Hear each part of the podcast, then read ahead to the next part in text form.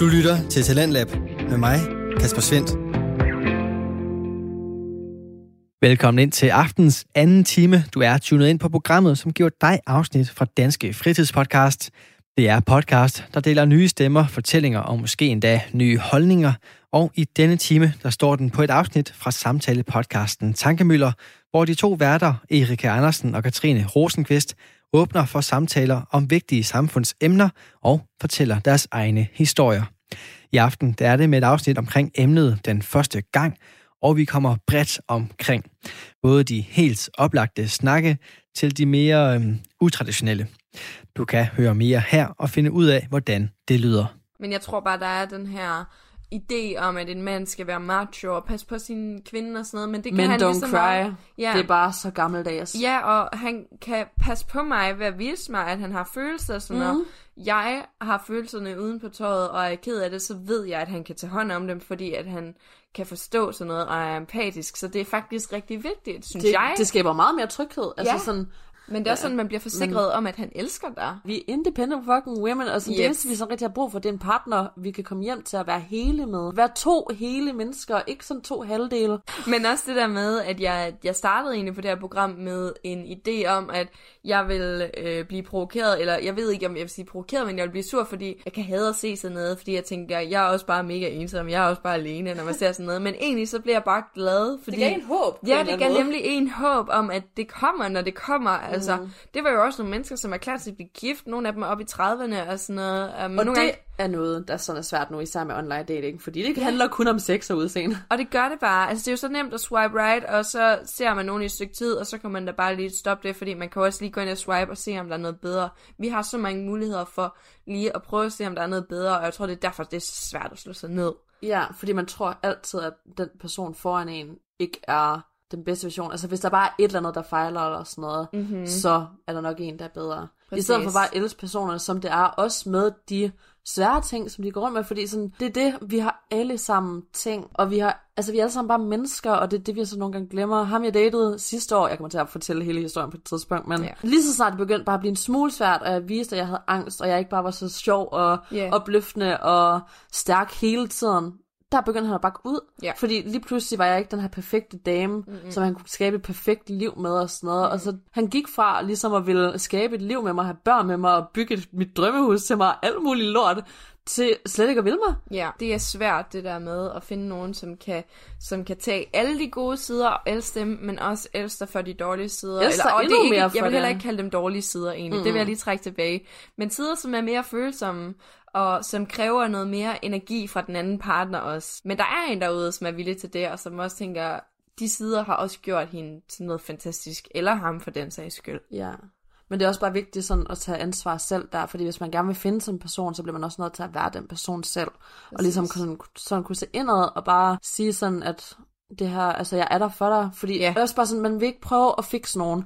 Som kvinder, jeg ved det, også, det er også over det, er over det hele. Ja. Altså især sådan noget med ægteskab og sådan noget, at kvinden bare prøver at bestemme alt muligt andet. Men så burde det jo slet ikke være, og det er ikke det ægteskab egentlig er. Overhovedet altså, ikke. det skal jo være to mennesker, som har hver deres liv, og som er to hele, og har deres egen drømme og passioner, og deres egen ting, og de også arbejder på dem selv, ved dem selv, for sig selv, alt det her andet, og godt tage det ansvar for dem selv, fordi vi har virkelig ikke noget ansvar over for andre mennesker. Nej. Altså sådan, vi kan være der for andre på bedst måde muligt, men hvis nogen ikke har lyst til at sådan hele og arbejde på dem selv, så det er ikke dit job at sådan overtale dem, eller prøve at få dem til det, eller et eller andet andet. Altså hvis de gerne vil have din hjælp, så kan du være der så godt som du kan, og sådan noget, men vi er nødt til at være to individuelle, stærke mennesker, øhm, og så ligesom bare komme sammen, og så mødes, fordi vi har ligesom det her med podcast nu, og vi har så mange drømme og mål omkring det, og jeg begyndte at tænke over det her med, at jeg virkelig, altså jeg vil så gerne have et ægteskab, Ja. øhm, og sådan, altså have børn snart faktisk, også sådan noget, og jeg vil gerne begynde at sådan date for alvor, men jeg har brug for en mand, som kan give mig plads til, ja. at også være så independent, som jeg er, men stadigvæk en, jeg sådan kan komme hjem til hver dag, og vi bare kan sådan være hinandens sparringspartner og sådan noget, øhm, og så have en, som også altså bare er så engageret omkring hans eget liv, og som jeg kan snakke med omkring alle de hårde ting, men også bare dele alle de gode ting med, og som kan støtte mig alt det her andet, fordi jeg ved, at jeg er også en person for nogen, og det har jeg Ja. virkelig lært især dem her sådan sidste tre lidt seri- mere seriøse forhold, jeg har haft. Altså, man bygger virkelig den person, som man også gerne vil være sammen med, og så skal man bare være tålmodig derefter. Ja. Og det er der, man skaber noget stort, når man er ligeværdige, og man Ja. støtter hinanden og motiverer Det er der, hinanden. det varer hele livet. Ja, altså når jeg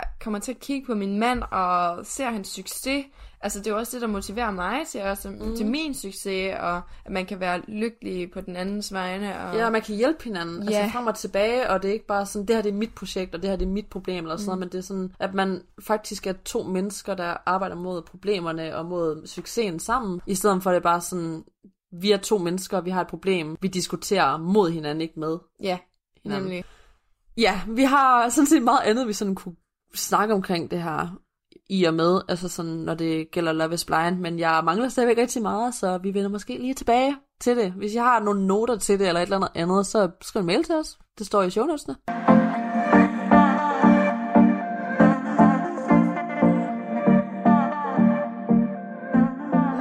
Er det tid til at så komme ind i den her lille emnedel af podcasten. Det er spændende. Ja, det er rigtig spændende. Vi har valgt, fordi det er vores første episode, og så snakke omkring vores første gang. Men altså ikke bare kun med sex, men med alt muligt. Og øh, ja, Katrine, hvad var dit første kæledyr egentlig? Ja, mit første kæledyr, det var et marsvin, og det hed... Det var Las- typisk. Ja, Det er sådan, Øh, jeg sagde til min mor, at jeg rigtig gerne ville have dyr, og så sagde hun, at jeg kunne få fisk. Og så begyndte jeg at græde, fordi jeg ville rigtig gerne have et dyr, jeg kunne holde.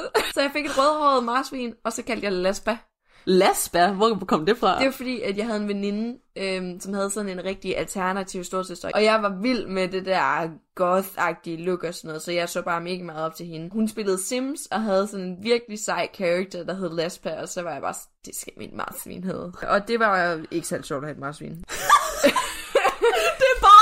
er ens barndom summeret op. Man har så mange drømme omkring det her Ja. med kæledyr, bare det bedste og sådan noget. Når det faktisk sker, så bare sådan, det har jeg bare ikke nær så fedt, som jeg lige havde troet. Overhovedet ikke. Altså, buret skulle gøres rent, den tissede på mig, den løb ind under sofaen. Altså, Man er det ikke var... klar til sådan en ansvar i den alder. Så den var der nogle andre, der fik. Jeg fik faktisk min første, da jeg var... Hvad var jeg der? Vi var næsten lige flyttet ind i vores hus fra vores lejlighed. Ja. Så jeg må have været omkring 8-9 år. Og jeg ville bare så gerne have en hund. Men min Ja. far vidste, at han ikke var klar til det. Og det var ham, der sådan skulle passe på det. Og Ja, jeg var ja. 9 år gammel. Så han aftalt med en af hans øh, daværende arbejdskollegaer, at øh, han ville købe en af deres hamstere. Åh. Så jeg fik sådan en lille hamster, der hed Speedy, og jeg var bare så glad. Speedy? Ja, Speedy. og det var så lidt sjovt, fordi det var det mest fede læs af et hamster, du nogensinde ville se. Så der ville ikke være den meget døde speed af fedme, så er ikke meget speed over den, nej overhovedet. Det var virkelig det omvendte, at øh, jeg skulle ikke kalde den, men det, ja, det ved jeg ikke. Det er bare sådan noget, jeg tror, jeg har set det i en tegnefilm eller sådan noget, at der var et eller andet kæledyr, eller en eller anden sådan Hamtaro, øh, hvad, Ej, ja, ja, ja, ja, ja. Altså, eller jeg andet så så meget af det der. Ja, præcis. Jeg tror, der måske der var en karakter eller et eller andet, der sådan hed noget med Speedy. Jeg ved ikke, hvor jeg fik det fra. Så, øh, så altså, var, var du den, der fandt den, den døde, eller? Ja, det var jeg faktisk. Fuck, jeg græd, jeg græd en uge. Jeg græd en uge, og det var seriøst det mest deprimerende. Men der havde jeg så Blackie, Okay. øhm, som er min fars hund, Ja. altså sådan, og min barndomshund. Men det var stadigvæk virkelig hårdt. Jeg hørte Avril Lavigne på repeat. var sådan, jeg græd op på mit værelse. Jeg kan huske det så tydeligt. Oh jeg græd så meget op på mit værelse, og jeg var bare sådan, Speedy.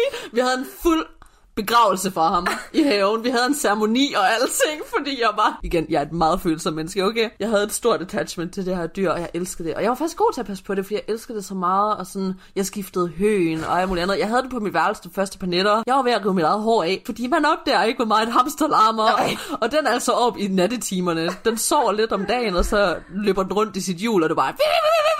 Det der hjul larmede så meget, og min far kom ind derop. Fordi de bare sådan, man skal ikke have et hamster, hvis man ikke har en kælder, man kan lukke ned i.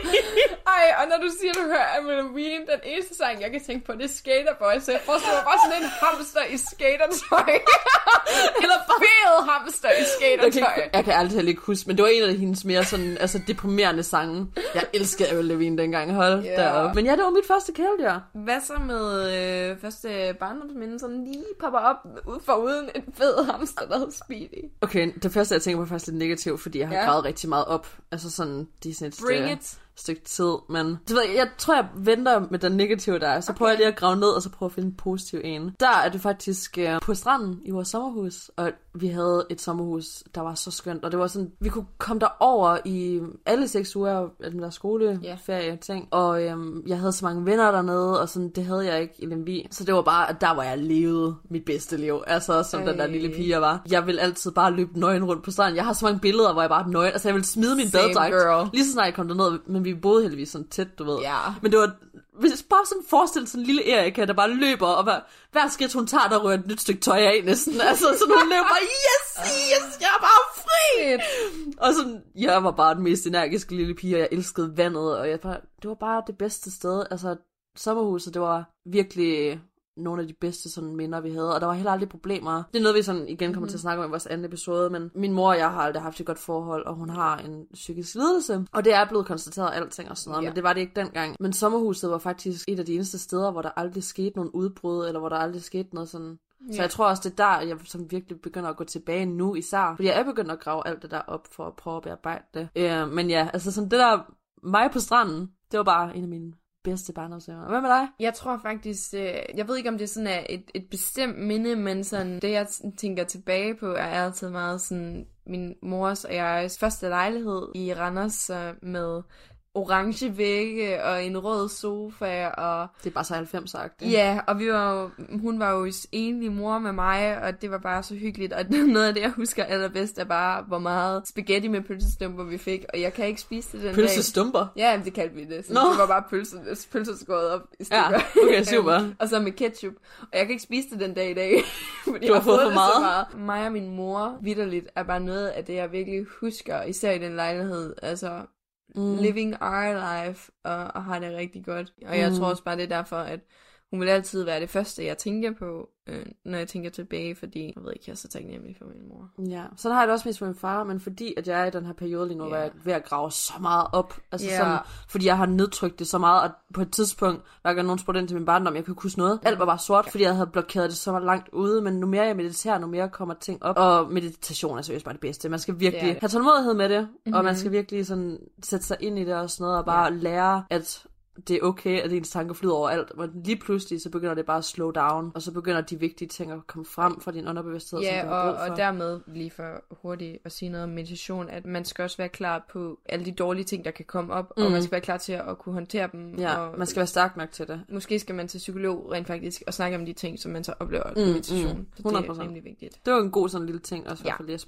sparket ind, men uh, jeg plejer altid at tænke på min far som noget af det første. Ja. Altså minder med ham og sådan noget, ja. og jeg har altid været altså, så tæt med min far, og sådan, min mor, lige da hun fødte mig, der var hun stadigvæk på universitetet i Canada, og øhm, det var ham, der sådan gjorde ting, og, var omkring mig og sådan ja. noget, altså, så jeg tror også bare, det er der, lige fra barnsben af, at vi bare har haft et unbreakable bond, og det er yeah. også det, min tatoveringer ligesom er, yeah. og repræsenterer. Der er en video på YouTube omkring det hele, hvis det er, at uh, mm. I vil høre mere om det. Nu går vi lidt over til noget øh, seksuelt og yeah. en helt anden boldgade her, men det er det, vi elsker at snakke om, det er det, vi er her for.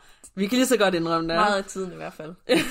også jeg, der lytter med, fordi også bare sådan, der jeg sådan snakket mere på Instagram, I vil så gerne høre yeah poleret og bare sande historier omkring sexliv og vores tanker og alt muligt andet. Um, så ja, hvad øh, var historien om dit første blowjob? Og hvis du ikke kan huske dit første yeah. blowjob, så bare sådan det første, der kommer frem. Jeg kan ikke sådan konkret huske mit første blowjob, men jeg kan huske, at øh, det var med min øh, efterskolekæreste. That efterskole love, though. Yes, he was my love. det var min godt jo, nok ikke. jeg kom jo lille engel på efterskolen. Jeg havde måske tantekysset lidt hister her, øh, tørtumblet tungen rundt med en eller anden i, på Crazy Daisy, men det var sådan så langt, og min erfaring var gået. Så fik jeg den her kæreste, og så var jeg jo sådan lidt på bare bund. Men så fik jeg en veninde på efterskolen, som var erfaren. Meget erfaren. Og det synes jeg var mega nice, fordi så kunne jeg jo ligesom spørge hende ind til, Ja, i verden er lige, jeg skal gøre. ja, især hvis man ikke har nogen sådan storesøster, man kan snakke med om, eller ja. ikke er lige tilpas med at snakke om sin, Præcis. eller med sin mor om sådan noget. Ja, og det var jeg alligevel ikke helt, fordi jeg tror, jeg tror ikke rigtig, jeg vil snakke med min mor om den slags, inden at jeg havde gjort det. Mm. Men i hvert fald, ja, hvad skal jeg sige, jeg tror, jeg tror ikke, det var min bedste præstation, men... Det er det aldrig første Nej. gang. Man skal lige, og man jeg... skal lige give sig selv plads ja. til også at være dårlig. Og jeg brød mig egentlig ikke om at gøre det. mm. øh, den unge alder der. Jeg tror først, at det var sådan op i omkring 19 år, tror jeg faktisk først, hvor jeg sådan tænkte, okay, nu kan jeg egentlig godt lide at gøre det her, fordi at jeg ved, at det er rigtig, rigtig rart for den anden person, som jeg er sammen med. I made it through, men jeg tror ikke, det var noget, der fik ham til at eksplodere.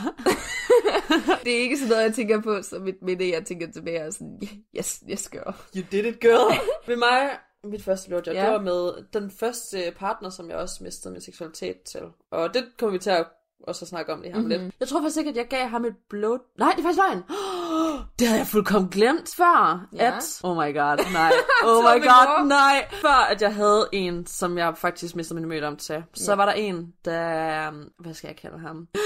jeg skal lige give mig det Der var den her person på efterskole. Min veninde eller min, en af mine rumboer, havde noget med en. Og øh, han havde en rigtig lækker ven. Og han kom faktisk hele vejen op fra Skagen af. Og mm. en weekend, så har vi bare ja. aftalt, vi har kun været på Skype sammen og sådan noget. Men han kom så hele vejen op fra sådan Skagen af, og så kom ned og få besøge mig, og så hyggede vi sådan lidt. Og sådan. Han endte faktisk også med at tage hjem en dag før, fordi det bare var så akavet okay. mellem os. Altså, vi snakkede fucking godt sammen over Skype og sådan noget. Ja. Der. Men lige så snart vi var sammen, så var sådan, røv ikke havde. Han ligger ligesom op til, at ja, hvad han noget skal ske. Ja. Men jeg var bare ikke klar på det tidspunkt. Men jeg tænkte, ved du hvad, du får lige en lille hånder, så starter vi ud med det.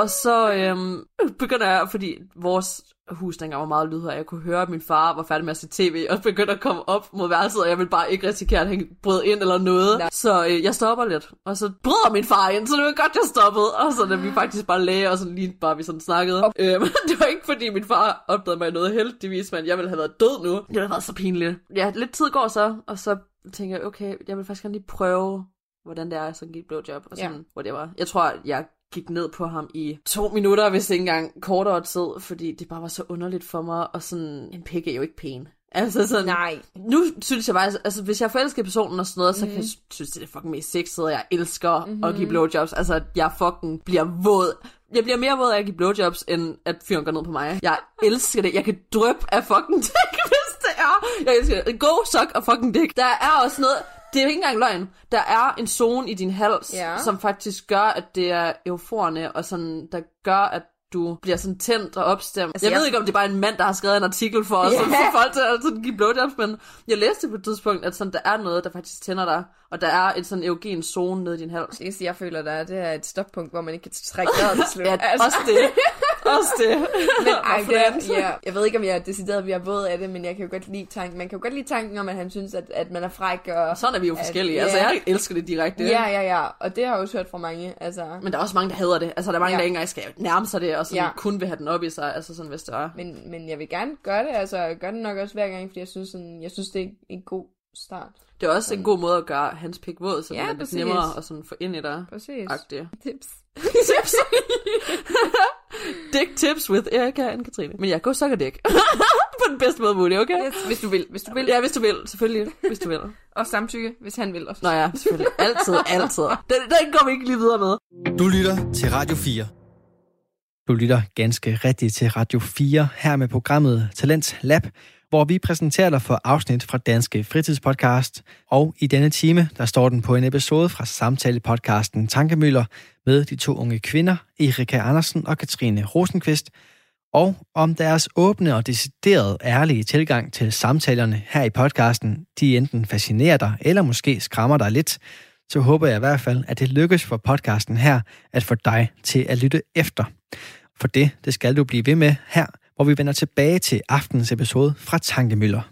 Jeg har faktisk skrevet den her ned, den ja. næste her, som jeg gerne vil spørge dig ind til, fordi at jeg synes, at det er en lidt mere atypisk en, og det er et spørgsmål, der ikke rigtig kommer frem, når man ser folk snakke om deres første gang med forskellige ja. ting. Men øhm, hvad var den første lærer egentlig sådan i folkeskolen, eller i børnehaven måske, eller et eller andet, som havde et stort indtryk på dig? Det var min lærer i folkeskolen, eller jeg ved ikke, om jeg må sige folkeskole, for det var en privat skole. Min mor retter mig altid, men det lyder også mega arrogant at sige, min første lærer i privatskolen. Men nu ved I det. Jeg gik Havde på uniform på alt muligt? Nej. Nå, okay. men det er Danmarks... Så det forestiller mig altid med privatskoler. Men det var Danmarks største privatskole, så altså, det var en... Weird flex, but okay. I 7.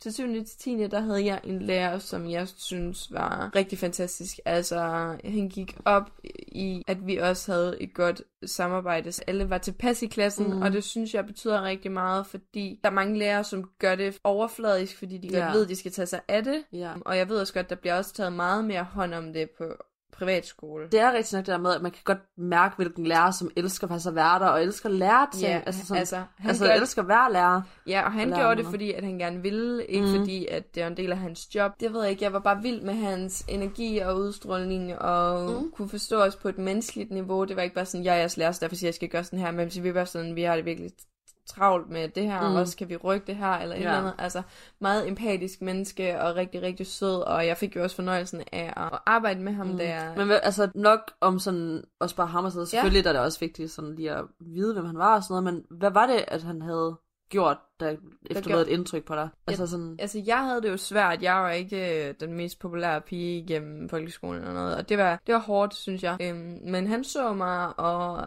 anerkendte mig og roste mig. og det er bare så vigtigt. Rosmerne havde sådan noget virkelig akavet, goth-agtigt tøj på. Jeg ved ikke, om man kan sige, at han var lækker.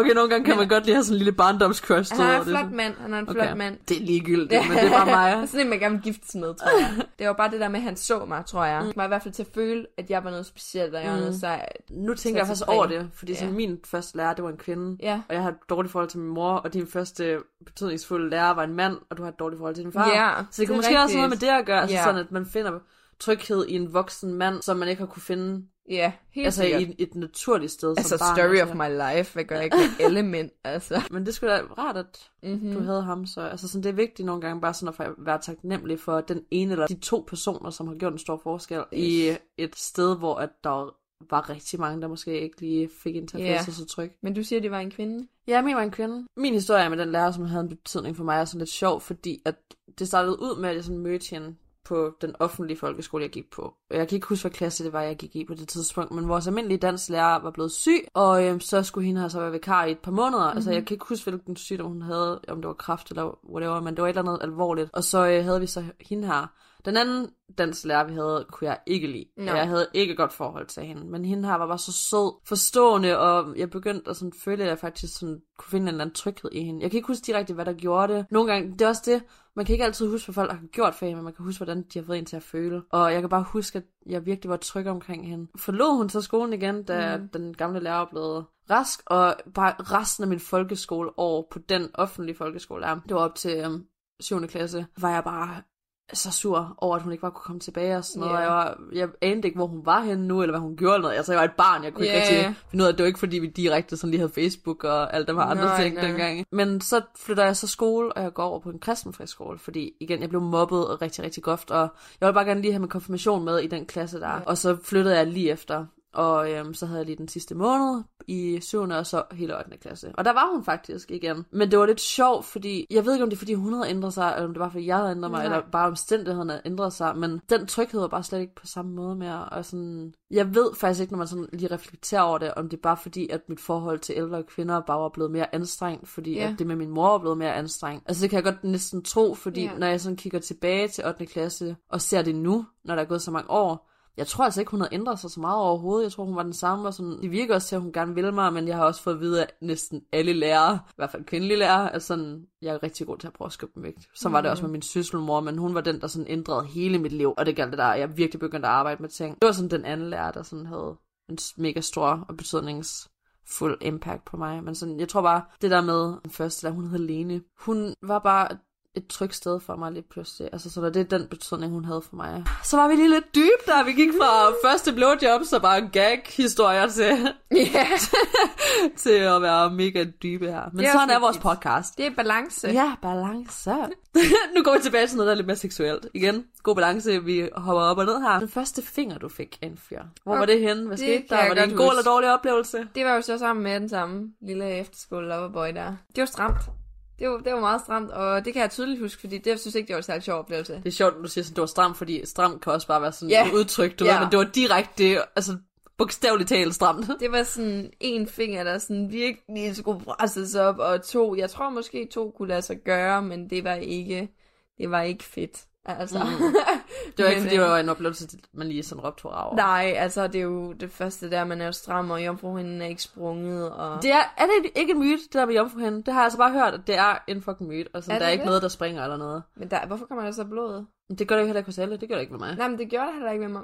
Altså, jo, jeg har været Det- jeg tror tvivl, om fordi- der er kommet ved mig, fordi at jeg, jeg har ikke lagt mærke til det, men det kan jo også godt komme samtidig med, at man Altså, har menstruation og så videre. Nu er jeg ikke lige læge, men jeg tror måske, det er det der med, at der er nogen, der måske er så stramme. Fordi der er nogen, der er meget strammere end andre. Altså, du er også meget strammere end mig nu. Mm-hmm. Altså sådan, og har lidt mere sådan... Jeg ved ikke, om du vil snakke om det, men sådan... Du nævnte for mig i hvert fald, Ja. at du har den der følelse af, at du ikke altid lige så nemt kan få Ja, en men pick-up, jeg selvom du er sådan... ja, men jeg tror, op. det er følelsesmæssigt. Jamen det er Øh, det, altså sådan, det er mentalt og sådan noget, men ja. det er bare det der med, at jeg tror, det er der, det strammer fra, at der er nogen, der bare strammer, og når noget så bliver presset op, når man er så stram, Mhm. og der er noget, der bliver presset op på den måde, så kommer der sådan der ting, og så får det til at bløde. Ja.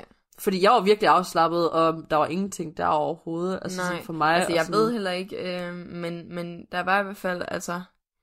Ja, det er jo heller ikke, fordi jeg var afslappet i, den, i det øjeblik, kan man Mm. sige. Øh, meget, meget lidt, tror jeg. Var meget nervøs jo. Selvfølgelig Ja. er man nervøs, det er ens første gang. Man har ingen idé om, hvad det er, man skal forvente. Man skal have ned op i et meget lille hul, synes man. Ja. Altså, Nu er det så stadigvæk fingre, vi snakker om, nu er det jo Ja, ja, ja. men generelt ja, altså det første oplevelse for, for den ting. i hvert fald med mig. Øh, Mm. Det er nul år. Nul år. Det er også sjovt, hvordan vi kan være så forskellige, men det Ja. betyder jo ikke, at der er noget galt med nogen af os. Altså, sådan, vi er bare forskellige. Vi har forskellige oplevelser, og vi har forskellige Ja. kroppe, der skal tages af forskellige. Hvad med dig? Var det øh, nice? Ærligt, så kan jeg faktisk ikke rigtig huske det, Nej. fordi det var ikke den ting, der var mest betydningsfuld for Nej. mig. Men jeg tror også, det var med den person, jeg mistede min mødom til. Ja. Men øhm, jeg, kan, ikke- jeg kan ikke huske, om han faktisk gjorde det den aften, hvor jeg mistede min mødom, eller om det først kom senere hen. Mm. Jeg tror lidt, at han prøvede at stikke nogle fingre op først. Det giver jo god mening Ja. for lige sådan. Og... Ja, og så virkelig gøre mig sådan ordentlig våd og sådan, Ja. fordi han var virkelig respekterende, og han var, Ja. altså, det var den bedste partner, jeg sådan kunne ønske mig, når det galt Til det der med. gang. Ja, til ens første det er gang. vigtigt. Men det tror jeg, altså alt skete på samme aften, mm-hmm. når det lige galt det der. Men jeg kan ikke huske, hvordan det føles eller noget. Men jeg kan huske sådan selve det der med, at han stak pikken op i mig. Nu kan vi lige så godt sådan snakke om det også. Ja, ja, lad I os stedet gå for at vente. gang også. Mm. Nu har jeg så været sammen med ham senere hen, og den var ikke så stor, Nej, som jeg lige havde troet dengang. Og, sådan noget. og det kunne måske også have en faktor. Mm. Ja, i helt det. sikkert. Altså sådan, at det gjorde så ondt Ja. i forhold til nogle af de andre, jeg var sammen med, som har været meget større. Så, men jeg tror bare, at alting var bare perfekt, og sådan, det var mm. ikke noget, der gjorde ondt. Og sådan. Det var bare en god oplevelse, jeg følte mig virkelig tryg i hans selskab, og jeg kunne snakke om det. Jeg sagde også bare til ham, jeg har ikke været sammen med nogen. Mm. Han vidste det godt. Jeg kan ikke huske, hvordan at han egentlig vidste det, men der var mange, der lige snakkede om mig deroppe. Ja. Og han havde nogle, vi har nogle fælles venner og sådan noget. Men ja, altså, det var bare, det var, ved jeg ikke, det var en god oplevelse, og vi kunne være ærlige med hinanden, og sådan, vi stoppede lige så snart, at vi havde brug for os, Ja, eller jeg ja. havde brug for at stoppe, fordi han havde haft sex med nogen før. okay, ja. Jamen, altså min første gang, det, øh, det var jo så også øh, samtidig med den, den første finger der, tror jeg, eller måske har jeg fået finger før. Jeg kan ikke helt adskille dem fra hinanden, mm. men... Fingre men, er heller ikke nær så vigtige en ting. Nej, det er det er det ikke sådan noget, man bare tænker over resten af ens liv. Nej, og jeg husker heller ikke lige min første gang som sådan særlig nice. Altså selvfølgelig var det fedt sådan at være sådan, woohoo, ikke jomfru mere, og være så, sådan sammen så tæt med sin kæreste på den måde, er jo selvfølgelig også noget helt specielt. Han havde øh, en, en meget, meget lang pik. det var ikke altid så behageligt, og det var jo så slet ikke behageligt første gang, kan man sige. Øhm, fordi den gik simpelthen helt op og trykkede. Både den, fordi det kan jo også være, altså når pikken bøjer ja. Lidt eller sådan noget, så er det nogle gange endnu mere frustrerende. Øhm, det er altså faktisk sådan, ikke, det er jeg faktisk ikke sikker på. Eller ikke frustrerende, men jeg ved ikke, hvad hvor Jeg har ikke gjort det bruge. meget i hvert fald, for det er ikke noget, jeg sådan aldrig havde tænkt over. Men, Nej, okay. men den gik bare helt op og trykket. Altså jeg følte virkelig, at, øh, at indvoldene i min krop blev skubbet til, Ah, når, øh, når vi havde sex. Det var ikke helt noget for mig. Sådan. nej. Det er, det, er fordi, der er der også nogen, der elsker den følelse af at bare få Ja, en, præcis. Så det er en rolle skubbet 50-50. rundt. Men for mig, øh, så tror jeg måske, jeg er mere til lidt bredde og sådan noget. Ja, same. you're welcome to prove me wrong. Jeg hader at være fucking øm. Altså Ja, sådan, øhm. jeg vil meget hellere have en, der er lidt tykkere, og så, altså stadigvæk også lidt lang, selvfølgelig, Ja, og ja, sådan noget. ja, Altså ja, sådan ja. god balance i tingene, men hellere det, end bare en lang tynd en. Altså sådan, Ja. fordi det går bare op, og det gør altså ondt. Og så har man heller ikke haft lyst til at sådan, han har så meget sex med den person, fordi det bare gør ondt ja, til og, sidst. Og hver gang man, han rammer, så er det bare sådan, au, au, Ja. au, au. Og så, jeg tror bare, jeg var så stram også, fordi at alle, altså han havde jo en, en stor pik, vil, vil alle drengene jo sige, så, så igennem ugen var alle hans kammerater og sådan noget, når de havde set mig, så havde de været sådan, du er godt nok en heldig pige, Trine. Så jeg har også bare blevet mega nervøs. For, altså, Det var der ingen, der sagde til mig. Jeg tænkte bare, hvilket dyr er det, vi har med at gøre, altså. Fuck, hvor sjovt. det hjælper det der med, når man bliver lidt ældre, og man kommer lidt tættere på hinanden, og man tør spørge, hey, kan du ikke lige fortælle mig, hvad du godt kan lide? Ja, Altså, og Ja. man kan indse, at det her handler om, at man egentlig bare begge to gerne vil have det bedste sex, man vil gerne give det bedste, og man vil gerne Mm. modtage det bedste, og så bliver vi altid nødt til at kommunikere. det er også noget, jeg sådan har lært altså sådan med årene, også det der med, at hvis man ikke er klar til at snakke om sex, så er man heller ikke klar til at have sex. Nej. Sådan har jeg det i hvert fald ikke. Ja. Altså sådan, og det kan både være for første gang, men det kan også være med en partner. Altså hvis du ikke er klar Præcis. til at snakke med den her bestemte, ene individuelle person omkring sex, så er det måske et tegn på, at du ikke er klar til at faktisk have sex med ham. Du skal altid lytte til den stemme, Ja. fordi din krop prøver hele tiden at sige til Arbejde dig. lidt med dig selv, udfordre mm. sig selv lidt, hvis det er Ja. det, du mangler. Vores seksualitet og det der med, at man lader en anden person ind på den måde, Ja. altså direkte, hvis man er heteroseksuel, vil jeg mærke, du lader en anden person ind i dig som kvinde, og du lader en anden person om dig mm. som mand, altså sådan, det er noget af det til, det er det tætteste, man kan komme på et andet menneske. Det er så det. du skal virkelig være påpasselig og bare altså, beskytte dig selv på alle de måder, du sådan kan gøre. Og snakke om det så meget, du sådan har brug for. Lige meget hvem det er med, og hvornår det er, om du har haft sex i 20 år, eller om du aldrig haft sex før. Helt enig. Nu når vi er lidt inde i sådan den her boldgade med også at snakke om kærester og whatever, og sådan noget, det er lidt mere seriøse. Øh, hvornår var første gang, du egentlig sådan sagde, at du elskede en? Altså sådan uh, en romantisk partner. Ja, og det har jo også været ham, men truth to be told, så kan jeg faktisk ikke huske, hvornår vi først datede til hinanden. Mm. Det, det har helt sikkert været noget specielt for mig, men jeg har også altid været ret hurtig til at sige det, for jeg har været rigtig ivrig Mm. efter at opleve det. Jeg, Ja. var, jeg var altid meget sådan... Især så ung, som man Ja. var på efterskole. Og så Og jeg sådan- plejer lidt at beskrive det som, jeg var forelsket i kærligheden. Altså, jeg har simpelthen haft så mange crushes, og jeg tror Ja. også, det har handlet om... Du har ikke været forelsket måske decideret i personen, men Mm. mere i altså, tanken om Præcis, og, og det er derfor, jeg siger forelsket i Ja. Kærligheden. Det er også en god måde at sætte det på, Ja. men det er sådan, jeg har aldrig tænkt over det på den måde. Nej, Det nemlig. Og jeg, og jeg tror virkelig også, det er det samme, det der med, øh, med min far, at jeg har cravet en, en mands approval. Mm, daddy Øhm, issues. ja. og så har man bare været ivrig efter Ja. måske at få det til at ske lidt for hurtigt. Men, ja, men vi har helt, sikkert- helt sikkert sagt det hurtigt, for vi var meget close, og mm. det var meget Også bare når man er så ung, altså der siger man det. ja, måske lidt. skulle lige kysse 10 gange, hvis han skulle ud og tisse, eller sådan Ja. noget. Altså, vi var meget Mm. mm. together. Hvad med dig? Jeg sad faktisk og tænkte over det også, Ja. mens du snakkede, og sådan, nu snakker vi om det første gang, man sådan sagde, at jeg elsker dig til en romantisk partner, Ja. jo. Altså sådan, fordi jeg har haft en kæreste i 5. klasse, hvor jeg Mm. sagde det, men vi lavede aldrig noget, altså vi kyssede ikke engang. altså sådan, nej, men det var vigtigt, det var også, han var ny og steder, vi var kærester i hvad, fem dage eller steder. Åh. Han slog op på tavlen. Ej, og bare skrev bare i frikvarteret på tavlen, eller sådan inde i klassen, du Ja. sådan, øh, at han gerne ville slå op med mig. Ej, så alle det så? Ja, alle så det. Blev du ked af det? Jo, fucking ked af det. Han var en fucking idiot. Jeg har spildt mit, øh, jeg, jeg elsker. Men jeg tror faktisk heller ikke, jeg elskede ham. Det var også mig, der Ja, sådan ja. havde det der med sådan, Ja. jeg vil bare gerne have en kæreste nu, og Ja. alle sammen har haft det og sådan noget, men jeg kunne faktisk ikke lide ham. Det kan, altså, ja, så det skulle fint nok. Men første gang, jeg sagde det til sådan en romantisk partner, det var min allerførste kæreste, som Ja. alle også kender, hvis man har fulgt med mig øh, på YouTube og sådan Ja. noget, du ved, i et godt stykke tid. Det ved jeg ikke, han var bare en helt anden person, end jeg nogensinde havde været sammen med, eller Ja. nogensinde brugt tid med, eller jeg havde virkelig ikke troet, da jeg gik ind til det med ham, at jeg faktisk ville forelske mig i ham. Nej. Altså sådan, det var slet ikke min intention, og det var ikke det, jeg havde sådan set os blive til eller noget, men det er, en, det er mit længste forhold, jeg har haft med nogen. Det var med ham. Og jeg kan ikke, ikke huske lige præcis, hvornår vi sagde det heller, men det er jo heller ikke rigtigt det, der er vigtigt. Men jeg kan ikke engang huske, hvem der sagde det først. Jeg ved, at der var gået en smule tid, fordi vi tog det langsomt og så. Ja. Jeg er virkelig glad for, at han var mit første, jeg elsker dig, altså sådan ordentligt, fordi han behandlede mig så godt. Ja. Altså, og han satte virkelig også altså, en god grænse for, hvordan jeg egentlig fortjener at blive behandlet. Nu var jeg så en idiot til sidst, og behandler ham ikke lige så godt der i sidste ende, og det har jeg også undskyld for alt Det andet, men for mig, altså sådan den må- måde, han behandlede mig på, og den kæreste, han var over for mig, og den humor, vi havde sammen og alting. Jeg er virkelig glad for, at jeg kan sige, at han var den første, jeg sådan virkelig elskede. Ja, det kan jeg godt forstå. Altså- Altså... Sådan har jeg det også med min første kæreste. Altså der, ja, det, var, det var jo noget. Mm. Det var noget specielt, og det er dejligt. Og det har været betydningsfuldt, og det har ikke Præcis. været usundt og sådan noget. Mhm. Altså. Det kom først senere. ja.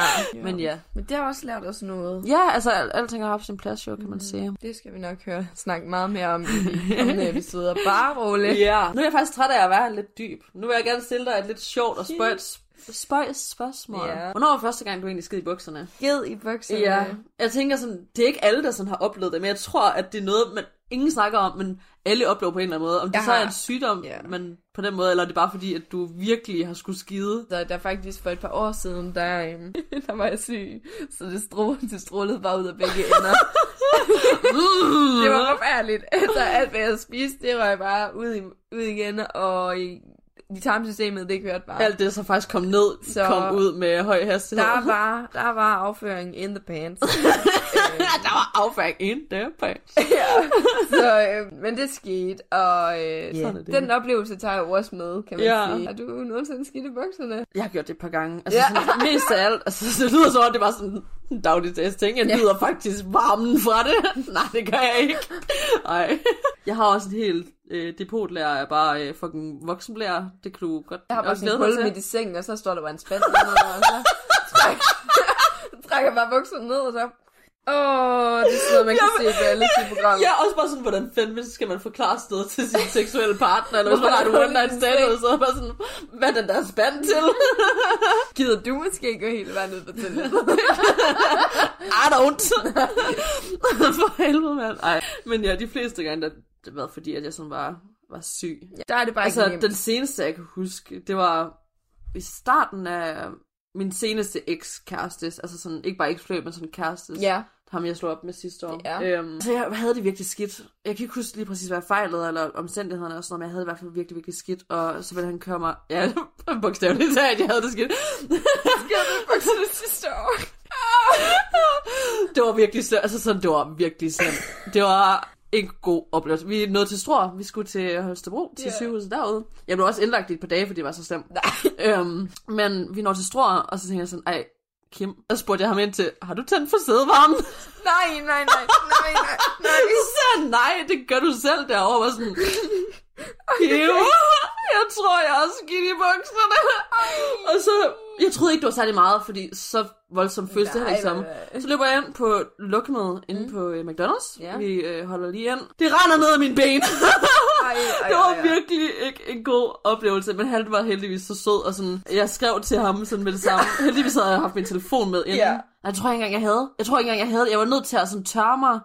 Det er rigtigt, jeg var nødt til at tørre mig, Ja. og så fucking prøve, altså tage underbukserne af, og så Ja. have skyllet dem. og så åbnede jeg døren lige så stille, fordi han stod heldigvis ikke så langt væk. Han var gået med mig derind. Og så sagde jeg sådan, Kim, jeg kan seriøst ikke tage det her på igen. Du er nødt til at løbe over i Netto, og så både hente det og det og det, fordi jeg tror ikke, de bliver også ved med at ryge ud af mig.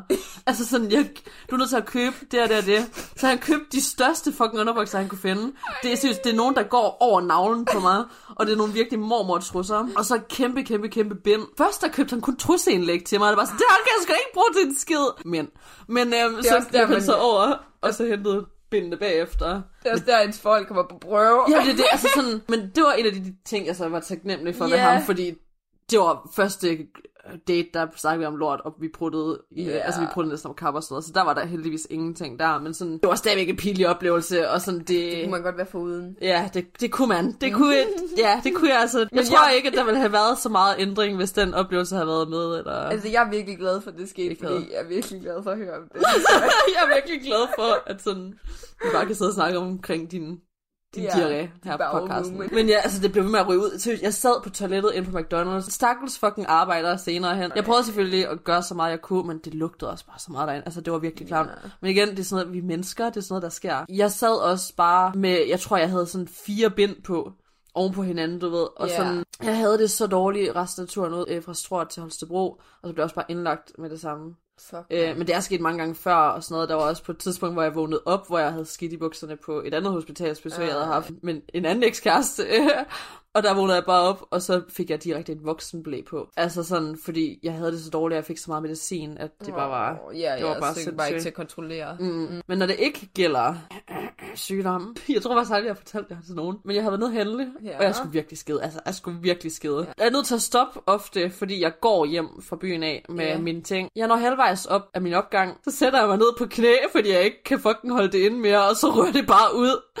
Men jeg er så glad for, at, ja, at det var så tæt på. Ja, ja. Men det var bare, det var lige før jeg nåede hjem, og jeg ved ikke, jeg kunne bare ikke holde det inde mere. Wow. Så det skete der. Det var bare en herlig oplevelse. God damn. Så det kan altså også godt ske, sådan, når man ikke er syg. Ja. Og hvis det sker for dig, så er det altså okay. Ikke skam dig. prøv Det, høre, vi har også det er menneskeligt. Grin af det. Du lytter til Talentlab med mig, Kasper Svendt. Og vi er altså i gang med aftens andet podcast afsnit her i programmet Talent Lab. Det er programmet, der giver dig mulighed for at høre nogle af Danmarks bedste fritidspodcast. Det er podcast, der deler nye stemmer, fortællinger og måske endda nye holdninger. Alt sammen noget, som du kan dykke videre ned i. Fordi alle de podcasts, som vi præsenterer her i programmet, dem kan du finde yderligere afsnit fra. Det kan du gøre enten på diverse podcast-platforme, eller så kan du finde tidligere Talentlab afsnit, og det kan du selvfølgelig gøre ind på radio4.dk eller inde i vores Radio 4-app. Nu der skal vi tilbage til aftens episode fra Tankemøller med Erika Andersen og Katrine Rosenqvist, som taler om emnet den første gang. Lidt over til noget lidt mere seriøst igen. Hvornår var første gang, du så slog op med en, en kæreste, og hvad var sådan din historie om det? Altså, Øh. det er også bare sådan, en kæreste behøver ikke være sådan den mest alvorlige kæreste, du har haft. Så Ja, sådan ja. Jamen, altså, det var jo så øh, igen efterskolekæreste der. Han kommer rimelig på. Mm. rimelig gang i ham her i dag. Men øh, vi, øh, vi slog sådan lidt op, øh, sådan lidt on og off et par gange. Man kom bare aldrig over hinanden, når man Mm. går på efterskole sammen. Så, øh, ja, så Og man vi ser til- hinanden hele tiden jo. Ja, så. så kyssede vi til en fest. Så var jeg ked af det. Så kom man ind til mig, hov, så kyssede vi. Men så vi kærester igen. Altså, Det er også bare sjovt, at dengang der troede man, det betød, at man sådan skulle være kærester, fordi man havde sådan et forhold. Og jeg det tror også det ikke bare, men jeg tror også bare, det var fordi, jeg testede ham også lidt. Så når jeg slog op, så var det sådan lidt, jeg håber, han kommer tilbage til mig, fordi så, så viser hvor meget han virkelig elsker mig. Men så den aller sidste gang, jeg slået op, der havde jeg egentlig besluttet mig, at nu var det for good, eller sådan noget. Det var lige inden sådan Mm. efterskolen. Nej, det var, jo, det var, øh, ja, det var efter efterskolen sluttede. Der var, vi var på ferie sammen. På mine forældre og jeg, vi oh, nej. tager, ja, mine forældre og jeg, vi tager, og min lille søster, vi tager altid på Læsø sammen om sommeren, og han var taget med. Jeg bliver bare klar over på den der ferie der, at han er sådan lidt, han er sådan lidt, øhm, He's not the one. ja, følelserne er der ikke rigtig mere på samme måde, og, og, jeg kan ikke, ja, og jeg kan ikke rigtig forholde mig til det, og følelserne er bare ikke de samme. Det er lidt pest eller kolera situation, fordi det er bare sådan, hvis du Ja. slår op med ham dernede, så er selvfølgelig øve, fordi du er stok med ham Ja. dernede, men hvis du slår op med ham lige efter, så er det bare sådan, hun har tænkt det her igennem Præcis. hele ferien. Så blev jeg jo, og jeg prøvede, han tog jo så hjem, og jeg var stadig på Læsø, og min mor havde sagt, at jeg skulle vente. Øhm, men det var bare så svært, fordi når han skrev til mig, så kunne jeg jo ikke Nej. give alle de der hjerter igen, og jeg mm. elsker også dig og sådan noget, så han opfangede hurtigt, var noget galt, og så Mm. blev jeg altså bare nødt til at ringe til ham og sige, det, det skal bare ikke være os to mere. At det var venskabeligt. Det var blevet venskabeligt. Mit Ja. første breakup, altså hvor jeg slog op, fordi nu fik I lidt den første at vide der med den, der havde slået op med mig. Ja. Men det var faktisk også en efterskolekæreste, og ham snakker jeg aldrig rigtig om, fordi sådan, der skete ikke rigtig noget, og det var så kort tid, og det var Ja. ikke meningen, at vi skulle have været kærester. Jeg, altså det var lige, da vi startede på efterskole, seriøst. Ej, det så var sammen i det, ja, det, det, det, efterskolekærlighed sker bare så hurtigt, Ja, det, det er sindssygt. Men ja, vi boede begge to i Lemvig. Mm. Det gjorde man jo ikke altid, altså sådan, Nej. det gjorde vi. Og øhm, så var jeg så taget hjem til ham, og vi havde aftalt, at vi sådan skulle ses og sådan noget. Så vi kysset lidt hjemme med ham og bare snakket lidt, men jeg kunne godt mærke, at det var sådan akavet. Og så sagde jeg direkte til ham, jeg var faktisk imponeret over, hvor moden jeg var, men bare sådan, jeg sagde til ham, at jeg simpelthen var nødt til sådan lige at se det her an, fordi at vi skulle ikke skynde os ind i noget eller noget som helst, så vi skulle ikke Nej. sige, fordi der var allerede kommet nogle kærestepar ud på Ja, efterskolen, og bare sådan, ja. jeg vil ikke være ligesom dem. Altså, jeg vil gerne tage min tid omkring det. Og det var så lørdag formiddag, tror jeg, jeg siger Ja. det her til ham. Så kommer jeg op på efterskolen søndag aften. Ja. Så løber alle drengene fra hans syssel ned på mit syssel og bare sådan, ej, jeg hører, at øh, du har fået en kæreste og alt muligt fucking lort, og sådan noget, og bare sådan, ja, hvad har jeg? Ja. Jeg var så gal. Altså, nogle af mine sådan rumboer og sådan noget, skubbede endda dem der drenge ud, og bare sådan, nej, hold nu op, og sådan, mm. give hende lige plads og sådan noget. Men Også i den alder, når man er der, der har været 15 år eller sådan noget, så er man meget sådan, øh, Ja. og meget op i hinandens fucking shit, du ved. Ja. Og man skal bare snuse det sådan alt andre har gang i. Men jeg var bare så sur, og jeg blev med at sige til to af mine rumboer, jeg sådan snakker meget med på et tidspunkt, sådan, jeg forstår virkelig ikke, hvad fanden der sådan lige er sket, fordi jeg havde snakket med ham om, at det her var lige præcis det, der ikke skulle ske. Og så gik jeg så ned, og så lige tog fat i ham, og jeg ved, at der var nogen, der sådan fulgte sådan lidt efter os, og sådan noget, fordi jeg prøvede at hive ham til side, du ved, Ja. og så prøvede at overhøre samtalen igen. Røvdårlig stil. Ikke gør sådan noget, okay? Uh, Men jeg, jeg var så gået ud for at snakke med ham, og var sådan, hvorfor siger du dem her ting? Og jeg troede, vi havde en aftale, og bla bla. Og så Ja. snakkede vi om det. Jeg kan ikke huske direkte, hvad der blev sagt, men vi endte så ud med at sådan aftale, at okay, nu er vi bare kærester, og så ser vi om det så kan lykkes. Og vi gjorde forskellige ting, men igen, altså, vi var kun kærester i en uge. Han var virkelig ikke min type overhovedet. Mm. Altså sådan, jeg kan huske en specifik aften, jeg tror det var dagen eller to dage før, at jeg sådan slog op med ham, hvor at det er mig og min daværende sådan rumrumbo, fordi vi bor jo på Syssel sammen, hvor vi var seks mennesker, men sådan hende jeg faktisk sov med, det var sådan 2-2-2. Hun havde hendes fløt kæreste ting over, hvor at de lavede til, altså hun gav ham en hånder, og jeg lagde lige over ved siden af, du ved, sammen med min, og det var sådan to enkeltmandssenge, og vi lagde sådan, ja. og den hun havde noget med, var min kærestes rumbo også. Ej, Så det var bare, jeg ved ikke, hvad der lige skete der, men det skete. bare orgie. Ja, nej, nej, ja, nej, det ved jeg ikke. Hvad er definitionen af sådan det? Ikke når der er flere mennesker. Sådan. Jo, men er det ikke også med hinanden? Flere Jo, jo, mennesker? jo, jo. jo, det var det jo ikke. Altså sådan, de nej, lavede deres nej, ting, men og sådan, ved, det er bare sådan... mig og, nu havde jeg er først så tæt på at sige hans navn, men mig og min kæreste der, vi sad bare og snakkede om sådan, laver de det, vi tror, de laver, og sådan noget, og så vi havde bare kysset lidt og sådan noget, og så aftalte vi sådan, det gør, at vi så skal gøre et eller andet også, eller sådan. Ja. Så prøvede jeg så at stikke hånden ned i bukserne på ham, og så bare sådan, nej, nej, nej, det gør jeg ikke det her, det gør jeg ikke det her. Der var flere grunde til, hvorfor jeg ikke ville gøre det. Men ja, altså, jeg, nej, det skulle jeg bare ikke, og Okay. jeg var heller ikke sådan, jeg var ikke mega attracted til ham, du Nej. ved, og sådan, det ved jeg ikke, jeg tror, det var virkelig også, da jeg indså, at sådan, det her det var grunden til, at jeg ikke ville være kærester. Og især Ja. så hurtigt og sådan noget. Ja. Så jeg slog op med ham ret hurtigt efter.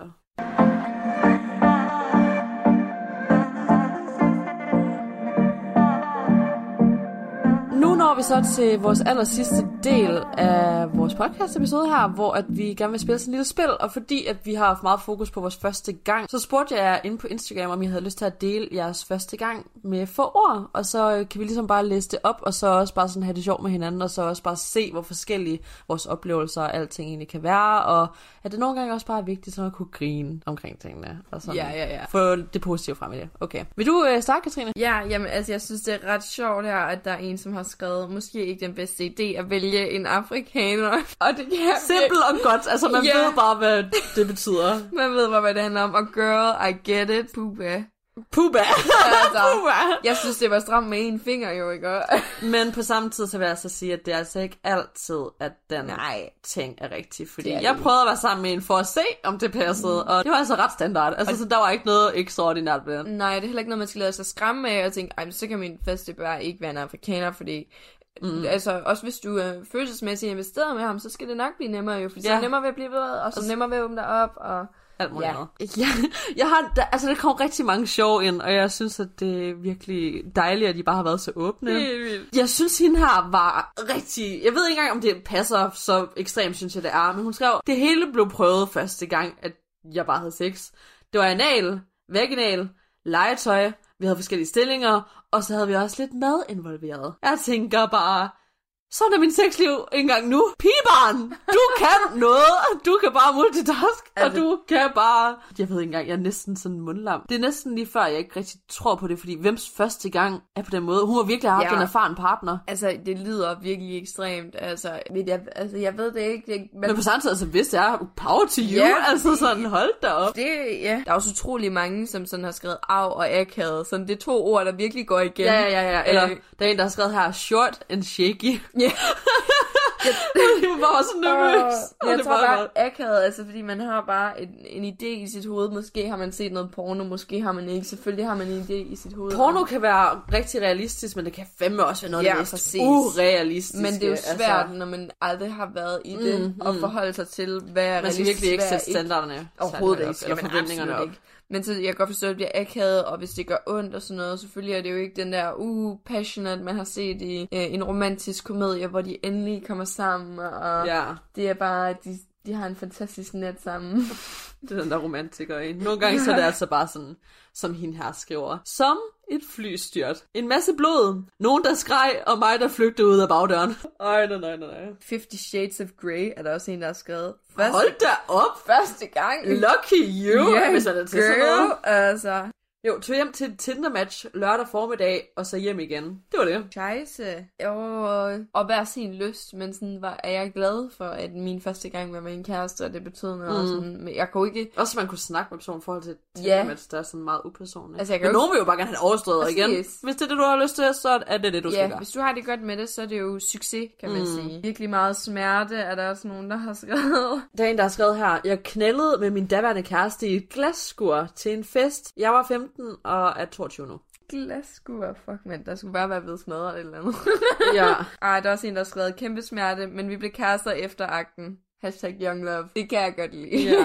Det lidt det Nice. samme her, sådan meget følelsesladet og fyldt med forelskelse, men samtidig lidt akavet. Eller vildt Ja. akavet, har hun faktisk skrevet. det tror jeg bare, det er Rigtig mange er akavede, faktisk. Præcis. Sådan virkelig mange. Værste doggy i mit liv endte med, at han fik smurt blod på væggen, som han stadigvæk ikke har fjernet. Hver gang jeg er på besøg, hvor det der blod fra?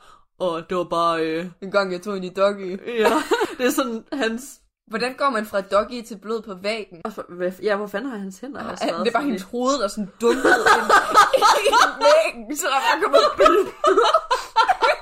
Hun kommer med hjem med en blåt øje. Ja, det var bare his proud and joy, det der blod der. er. bare, jeg fucking gav hende en fucking hjernerystelse. Åh, oh, yeah. Det er en advarsel til alle de andre. Åh, oh, gud. Det er så mormor og morfars hus, boksning og vindue. Der vil jeg gerne have lidt flere detaljer. Boksning og vindue. Var det sådan lidt kærligt, ligesom med pudekamp, som så endte i sex? Fordi det kan fandme også være frækt. hvor kommer Eller- vinduet ind i spillet? Er det så Nå, jeg er 20. frit udsyn, eller hvad? Ej, den, er, den vil jeg gerne sådan have haft I en... Uh, skriv en vindue? e-mail til os, der har skrevet den der. I et vindue måske. Oppe i vindueskarmen. Der sidder sådan... Jeg ved Hvem fanden sidder oppe i vindueskammer og har sex? Ja, det ved jeg ikke. Vil være en bred vindueskarm? Ja. Eller bare en meget, meget lille person. Ja, vi vil godt høre mere. Også bare en meget højt mand, så hvis han skulle kunne nå derop, for Ja. at komme ind i hende. Ej, jeg kan ikke Der er meget til den historie, jeg ikke lige har det særlig godt med, eller ikke kan forestille mig ting med. Romarken er der bare en, der har skrevet. Det var det eneste, bare Romarken. Ja. Ja. Jeg har også lavet sådan nogle øh, ting her før, sådan nogle polls, hvor mange faktisk har skrevet, at de har haft sex i en mark. On the top. Han havde, han havde hele benet i gips. Men first time. Nothing is gonna stop me from sucking dick. getting laid. Den mødte om, den skulle bare tages gipset ej. Altså, Nå ja, vi snakker sgu da første gang nu. Ja. Jeg tænker bare sex generelt. For, ej, det skulle da sjovt nok egentlig også, Ja. det er ens første gang. Det specielt og sjovt. helt vildt. Jeg var sammen med en fyr, men fortalte ham aldrig, at det var min første gang. Det var det. Hvorfor ikke sige det? Altså sådan, det har jeg også godt hørt, også med veninder, som jeg har snakket med igennem tiden og sådan noget. Rigtig mange sagde ikke, at det var deres første gang. Var sådan, der er intet skam i det. Prøv at tænke, hvis det også var hans. Altså, jeg har også taget et par mødt om i min tid. Det var da rart for mig sådan at vide, og at de bare var ærlige, og sådan at Ja. de gerne ville have, at jeg lige skulle vide, at det altså var. Det synes jeg også er så fint, fordi det er bare, så kan man tage lidt hensyn og sådan noget. Og nytårsaften, kæreste, vi endte med at gøre det syv gange. Syv gange, og det var ens første... Og ens første gang, altså jeg kan knap nok klare syv gange nu da. Altså jeg bliver da Okay, der er altså en helt anden historie. Ja. Jeg kunne bare blive ved. Det er også derfor, min fisse er øm i dag. Det må se. Men det er også, fordi jeg er så stram, altså. Altså, jeg... Nu ved I det. Nu skal du ikke få mig til at lyde som om, jeg har en mega løs Nej, det fisse. siger jeg heller ikke, men jeg, jeg tror, Jeg har jeg... fået at vide, at de er meget glade i hvert fald. Ja, Jeg kan sgu godt lide at spille lidt mere, så jeg spurgte jer faktisk om en ekstra lille bonusrunde af sådan et spil her, som også har lidt med det at gøre, men I skulle bare prøve at beskrive jeres sexliv nu, men med et twist. I skulle nemlig bruge en filmtitel. Og vi har fået rigtig mange ind, og øh, vi vil også gerne sige vores. Jeg kan starte ud med at sige min. Det er Gone in 60 Seconds. Fordi jeg får nogen ind i mit liv, som jeg lige kan have sex med, og så går der lang tid, før jeg så finder nogen, jeg sådan egentlig har lyst til, eller ja. altså har muligheden for at gøre det med igen. Så Gone 60 Seconds med Nicolas Cage, det er, det er min. Først så jeg lige, at der var en uh, Back with the Ex, som jeg synes var ret sigende, fordi at... Uh, Ja, hun sidder inde på Netflix lige nu, by. Ja, ham fitnessfyren der, han, øhm, altså, det er faktisk en, jeg har datet, så, så man kan jo godt sige det sådan lidt ex-ish. Ja. Øhm, men jeg tænker, Yes Man er faktisk rimelig on point. Også bare fordi det er ikke så lang tid siden, du havde noget med en en også. Altså Nej, sådan, det altså, er bare, yes, jeg har man! haft, jeg har haft øh, consistent god sex, synes jeg. Og det er bare så snød. Jeg ved ikke, hvor du finder dem henne. Jeg finder altså, guldet, må jeg ja. sige. Um, så det er helt klart Yes Man, der er the most appropriate Til dig. til mig. Lad os lige øh, få jeres input nu. Ja. Vi kan starte ud. 50 Shades of Grey. Det var der faktisk et par stykker af. Øh, de er utrolige. Er også ret god, synes jeg. Ej, jeg har lyst til at give også. den person en high five. Ja, det er fandme nice. Hold da op, det er sjovt. Den Home kan- Alone. It's complicated. Never ending story. Ej, hvor sned. James Bond, Never Say Never Again. Så er der sikkert nogen, der sådan ikke lige kan, helt kan slippe hinanden. Nej. Find Nemo. The Day After Tomorrow. Og det bliver jeg ved med at sige. Bare vent lidt endnu, bare vent lidt endnu. Skal nok komme. Øh, øh, øh, vi er på de samme nu, kan jeg se. Nå. Sex and the City. Ja, Uh, ja, ja, ja, men så- der lidt. Det, det er lidt for bredt, synes jeg. Det skal være sådan, Sex and the City, og så skulle der have skrevet Samantha eller et eller andet. Mm. Altså sådan, fordi de fire piger har vidt forskellige sexliv. Ja, det har de. Jeg er Miranda i den periode, hvor hun bare var frustreret over alting og købte nyt sengetøj og alt muligt, fordi hun troede, at det ville bringe folk ind. Det er lidt der, jeg er undtagen lige her i nat, men ellers... Jeg ved ikke helt, hvordan jeg skal forslå Titanic. Altså, det synker bare, eller hvad? Det går bare ned ad bakke. Det var den mest tragiske historie nogensinde. Sorry, dude. How to be single. Ja, mig og min vibrator egentlig også. Altså, hvis det ikke var for i går, så er det sådan, den der How to be single, den der film, den er faktisk mm. rigtig god, og den vil beskrive mig ret ja, godt. Altså yeah, sådan, lige en gang imellem, så har man lige, man måske lige yeah, godt med. Ellers er det bare mig og min vibrator, der lever det lykkeligste liv. I am not okay with this. Yeah. Borte med blæsten. Ej, seriøst, I kommer med de bedste. The yeah. usual suspects. Den er sgu da også egentlig god, den er kreativ. Ja, der er faktisk... Sleepless in Seattle. Ooh, you go, guy. I'm not okay with this. Ja. Det er næsten kun mænd, der har skrevet sådan noget. Ja, det er det faktisk. Toy Story. Åh oh, nej! Der okay. er en, der giver den gas. Altså. Det er virkelig... Jeg har kun to. Ja, altså ja. Men jeg er så glad for de to. Skal vi slutte på den? Ja, lad os gøre det. Ja. Radio 4 taler med Danmark. Og velkommen tilbage til studiet her i Aarhus igen. Du fik hørt det sidste fra aftens episode fra podcasten Tankemøller, og det var også afslutningen på denne udgave af Talent Lab. Det er programmet her på Radio 4, der præsenterer dig for afsnit af nogle af Danmarks bedste fritidspodcast. Og jeg håber, du har nyt at få chancen for at lære mere omkring fiktionens undervisere, og muligheden for at tabe kæben på grund af åbne fortællinger om de første gange. Det er i hvert fald det, som i aften har budt på. Du fik nemlig først en episode fra podcasten Lærer på Læret med Anders Schunk og Kasper Tim Thornberg, der i aftens afsnit talte om første sæson fra hitserien Rita. Og så fik du også et afsnit med Erika Andersen og Katrine Rosenqvist og deres podcast Tankemøller, hvor de kom godt rundt omkring emnet den første gang. Husk, at du kan finde yderligere episoder fra begge podcast inde på diverse platforme, hvis du ønsker at høre mere fra begge universer. Og så kan du også finde tidligere Talentlab afsnit inde i vores Radio 4 app eller på hjemmesiden radio4.dk. Mit navn er Kasper Svendt, og nu der er det blevet tid til nattevagten her på kanalen. Så tilbage for mig er blot at sige god fornøjelse og på genlyt.